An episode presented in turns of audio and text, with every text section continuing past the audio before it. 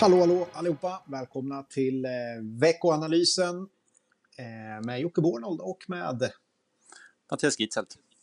Och eh, vet ni vad, ni som lyssnar på det här, tycker ni ljudet är dåligt? Så stämmer det. Jag har ju glömt att byta hörlurar. Eh, hur är det med dig Mattias? Har du dina specialhörlurar och mikrofon? Faktiskt inte jag heller. Nu fick du mig direkt här. Jag är inne på kontoret ja. och eh, där är luran inte med. Så att, eh, det, det får bli vad det blir. Ja, det får bli vad det blir. Eh, då ska jag skärpa till mig. Häng kvar! Ja, vi ska vara extra tydliga helt enkelt också. Så att eh, verkligen alla hör vad vi säger. Nu är jag med. Eh, samma, eh, nu, nu är det ännu bättre. Samma sammetslena röst, men ännu tydligare. eh, jag vet inte, men nu är det rätt hörlurar i alla fall. Och kanske lite bättre ljud. Du, eh, mindre trams, mer verkstad. Vi, eller i alla fall Kina. Vi ska prata lite Kina idag, tänker jag kan ju vara så att Kina kan visa lite vägen för oss övriga när det kommer till återhämtning. För eh, ja, det kanske inte är så konstigt. De var först in i den här coronakrisen, men de var också mm. först ut. Vad ska man säga? Ja, de har ju haft en väldigt snabb återhämtning och en tämligen stabil sån. Ja, eh, ja, precis som du säger, Kina leder väl vägen i, i mycket dessa dagar. Men eh, absolut, de var tidigt in och eh, de är också eh, tidigt ur, eh, ska man väl, eller ska vi försöka visa här, men ehm, eh, det, det, som gjorde att man bland annat då kom tidigt ur krisen var ju då dels självklart smittspridningen som, ehm, eh, som avtog, eh, men sen också en hel del statliga satsningar då på infrastruktur och öppnade upp fabrikerna snabbt helt enkelt igen. Det man inte kanske lyckades med initialt var ju då konsumtionen som förblev svag och anledningen var ju då delvis att eh, arbetslöshetsersättningen är ganska mager i Kina kan man säga. Men sen så har det Just faktiskt. Eh, kommit en del siffror och eh, det ser ut som att man är på väg mot ett bra spår vad gäller återhämtningen och tredje kvartalet så växte ju faktiskt tillväxten med nära 5 och då är det ju i princip i linje eller till och med lite högre än innan krisen så att det ser faktiskt bra ut och just konsumtionen bidrar ganska ordentligt till det här. Så att eh, Kina verkar vara på spåren att fortsätta en, en bra återhämtning. Just det, och det kanske ligger lite i, eh, säger man i fatet, säger man inte i korten, jag vet inte. Man, det ligger i någonting. Eh, att, I förväntansbilden. ja, det, det. Sånt, det kan man alltid använda, förväntansbilden. Ja, ja jag. men om man tittar på Kina, det var två år sedan var jag i Kina och då kunde man konstatera att när vi ändå hade en ganska bra konjunktur så tyckte kineserna själva i alla fall att de eh, drogs med en ganska jobbig lågkonjunktur och hade lite förhoppningar på att försöka få igång det. Då kom coronan istället. Men de hade ju gjort ganska mycket satsningar innan coronan för att trycka igång ekonomin och kanske någon dubbelverkan vi ser där. Mm. Vi lär väl inte se riktigt samma sak i, i Europa kanske, eller tror du det? Kommer vi få se en urstark återhämtning i Sverige och Tyskland? Och... Nej, alltså självklart så får man ju räkna med en, en återhämtning när det lugnar ner sig. Men alltså, om man tittar i Kina så var det ju nästan en perfekt V-form på återhämtningen. Eh, och det jag tycker är extra spännande är just det här att det, konsumtionen bidrar så mycket medan exporten till exempel är ganska osäker fortfarande och just drabbas mm. av, i och för sig då, den omfattande smittspridningen i andra delar. Men jag skulle även faktiskt lägga till den här lite mer strukturella förändringen som man ju faktiskt har eh, ja, sökt under flera år där man då vill bli mer kanske tjänstesektor och konsumtionsberoende än bara export. Och vi ska inte glömma bort att eh, löneutveckling och sånt har ju varit otroligt stabilt i Kina under längre tid och det är väl inte konstigt att man är på väg att förändra ekonomin till att vara driven av konsumtion och annat likt andra länder. Eh, så att eh, lite intressant att det kanske sker också samtidigt, tänker jag. Ehm, men, eh, och det bekräftas ju bland annat, alltså tittar vi på svenska exportbolag så efterfrågan från Kina är, ju, väldigt stark så det går mycket åt, åt andra hållet än vad det kanske gjort under det senaste decenniet.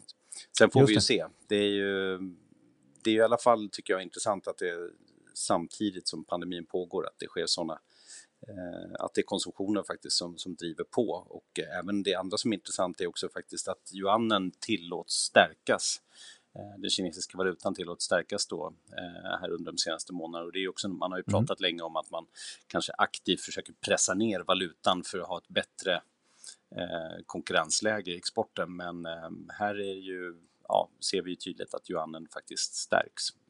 Och jag är ju verkligen en försvarare av av valutor. Jag tycker inte det finns bara bra med att hålla en valuta på, på låg nivå mot, eh, mot andra länder. Det är ju, vissa ser ju mm. att det är det enda som, som hjälper en lands, lands ekonomi, men det finns ju för och nackdelar med det självklart.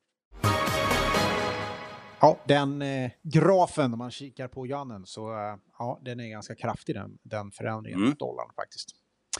Det var väldigt mycket bråk om det där med den starka yenen, kanske ni kommer ihåg, mellan Trump och Kina. Men eh, normalisering, det lär vi ändå se. Det är klart att Europa och USA, vi får också draghjälp av Kina. Vi har redan pratat om det. Svenska mm. exportbolag ser en stark efterfrågan eh, och det kommer förstås hjälpa oss att kickstarta för 2021. Absolut. Eh, det tror jag definitivt och förväntningarna är ju nu att, att vi får den här återhämtningen så fort, fort massvaccineringen påbörjar och då, då ser det ju faktiskt tillväxtmässigt rätt bra ut. Sen är alltid frågan självklart vad ligger i förväntningarna och det ligger ju självklart en del av det i förväntningarna redan, det har vi pratat om en del. Det andra som också tillkommer är naturligtvis hur, hur blir det med den handelskonflikten som vi fokuserade så mycket på under de senaste åren. Den har ju faktiskt också avtaget nu initialt. Eh, kommer den tillbaka mellan Biden och Kina? Det vet vi inte riktigt hur, hur det kommer se ut. Ja, då kanske Nej. vi ser ja, en försvagad yuan till exempel igen. Just det. Men vi gillar ju, ja, vi, vi, vi är ju relativt positiva till aktiemarknaden. Vi är lite överviktade vi pratat om och vi föredrar ju faktiskt också Asien och ex-Japan och där är ju Kina en stor del. Så vi, vi tror ju ja. faktiskt på det här och vi tror också att världsekonomin förbättras under, under nästkommande år. Då. Just det. Så när vi gillar eh, Asien, då är ju Kina en stor del av Asienfonderna.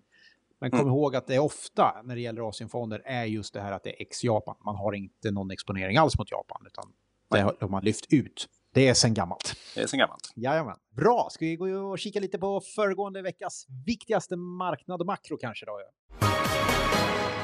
Ja du, vad ska man säga om aktiemarknaden? SAS, det var ju förstås väldigt, väldigt svagt. De kom med rapport och ja, det är klart att de drabbas ju igen av den här andra vågen som kom under hösten. Många hade ju hoppats på att flyget skulle komma igång lite grann här, men eh, det gjorde det ju inte kom flygsiffror här ganska nyligen som visade att eh, nej, det, det lyfter inte för SAS. Men någonting som var rätt intressant som eh, jag tyckte kanske kunde ha skrivits lite mer om, det var ju att familjen Douglas eh, avyttrat eh, en hel del aktier i Latour faktiskt. Och där har det ju varit en, en premie. Man pratar ofta om rabatter, men den har ju sjunkit rejält faktiskt. Eh, så att när till och med huvudägaren säljer, då, då ska man kanske fundera på om det inte är ganska dyrt. Så det var intressant. Latour har haft en fantastisk utveckling eh, ska man lägga till. Men här tyckte i alla fall familjen Douglas att det var läge att sälja. I alla fall en liten del. Någonting annat som du har kikat på? Ja, om man tittar på eh, marknaden förra veckan så det var ju ganska god utveckling och faktiskt så var det ju nya rekord på, på flera index, bland annat då världsindex, jag måste säga All Country World.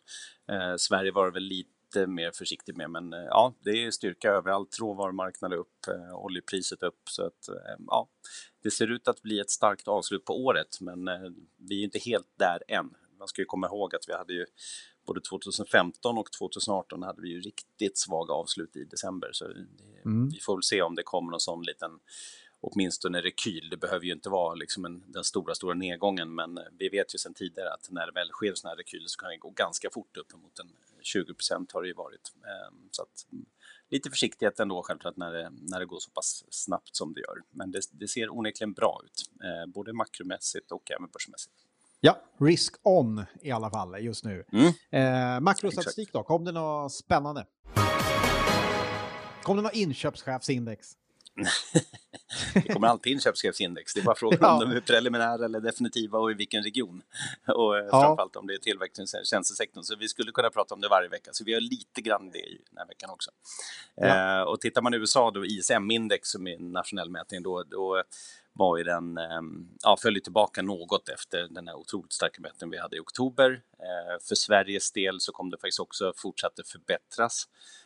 Um, och Eh, ja, eh, svensk industri så kom det eller om man tittar på den delkomponenten så var det faktiskt högsta mätningen sedan fjärde kvartalet 2017 och tre av de här fem delindexerna som ligger inom, eh, inom svensk inköpschefsindex, alltså komponenterna, så ligger de över 60 eh, och det är för andra månaden i rad och det är alltså 50 som är brytpunkten mellan, om man säger under som är kontraktion och över som är expansion. Så det ser ju faktiskt eh, eh, riktigt bra ut och visar att det finns en riktig bredd också i uppgången i synen på eh, ja, på, på efterfrågan på alla sätt.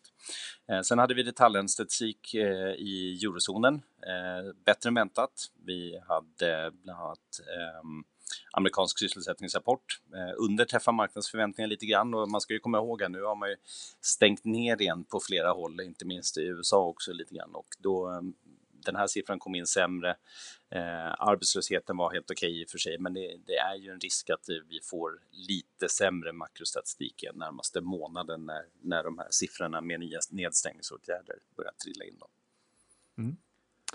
Yes, om man kommer till eh, veckan framåt så eh, Ja, det har vi redan sagt. Det är positiva tongångar på börsen. Mm. Något som skulle kunna störa kanske är eh, negativa kommentarer kring vaccinet, vaccindistributionen som ska kicka igång nu. Något bakslag där kanske skulle kunna vara en sån trigger. Man skulle väl också kunna tänka sig att de här stimulanssamtalen också måste resultera i någonting. Det kan inte bara vara snack. Nej, det, så är det ju. Det, det räcker ganska länge i och för sig, men vi får se. Och det, Um, vi får se om det, det kommer mer. Um, marknadsförväntningar är ju självklart att det kommer otroligt mycket mer framöver. Så ja. uh, det får vi se. Ja, är någonting på makrofronten vi ska ha koll på den här veckan?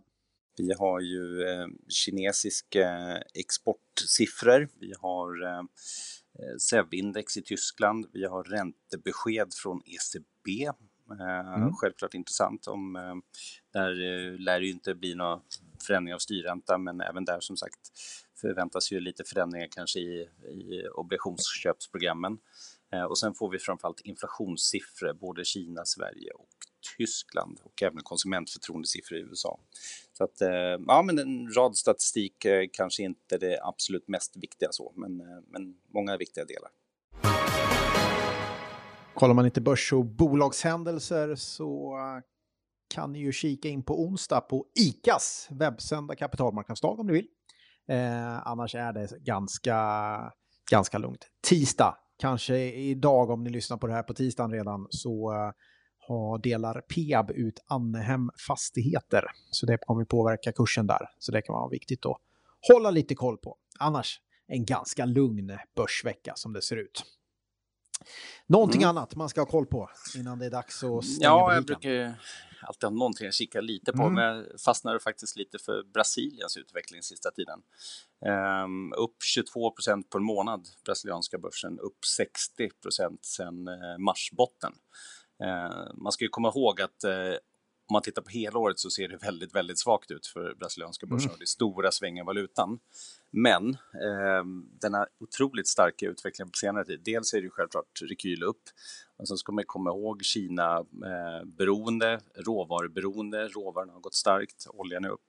Eh, men också faktiskt, jag läste, försökte läsa lite mer inhemskt, vad händer i, i Brasilien och då brukar det oftast vara politiskt som har hänt någonting. Men det har ju faktiskt under bara något år tillförts en miljon nya investerare också. Det är tydligen så att det finns en massa influencers som eh, har tyckt att det här med aktiemarknaden är väldigt spännande och i takt med att centralbankerna sänkt eh, räntorna så pass mycket så, så är det många som har hoppat på trenden med, med aktiemarknad och eh, fått med sig då ett gäng yngre investerare som tidigare inte har varit på, på aktiemarknaden. Så en miljon nya investerare och eh, på marginalen åtminstone så, så borde ju det påverka. Eh, och samtidigt också självklart vi som har varit med ett tag en, eh, en viss oro för att det här är eh, någonting som, som kanske inte slutar väl när så många mm. nya investerare plötsligt hakar på en, en trend från sociala medier som ett litet avslut sådär. Spännande att höra från influensen eh, Mattias Gitza. ja, men vad härligt. Bra, jag tror att vi, eh, vi stänger butiken för idag. Du, kul att höra, höra dig Mattias. Vi hörs av nästa vecka. Det gör vi. Ha det bra. Ha det gott allihop. Hej hej. Svärd dödar, så var ni era kära mödrar och var ni era fäder med. Därför partypatrullen och kräver det. Och vågar inte stå där stilla med benet på väggen, stå där och chilla. Då kommer discosnuten. Bötfäller dig, då får du piss på truten. Olagligt att inte dansa, asexuell, straight eller transa. Och vi ska upp bland molnen, varannan dag men alltså en skål sen. Vi ska twista till svetten, lackar till polisen, juristen och rätten backar. Skiter i tiden och vad klockan slår när vi revar hela dygnet så långt vi förmår.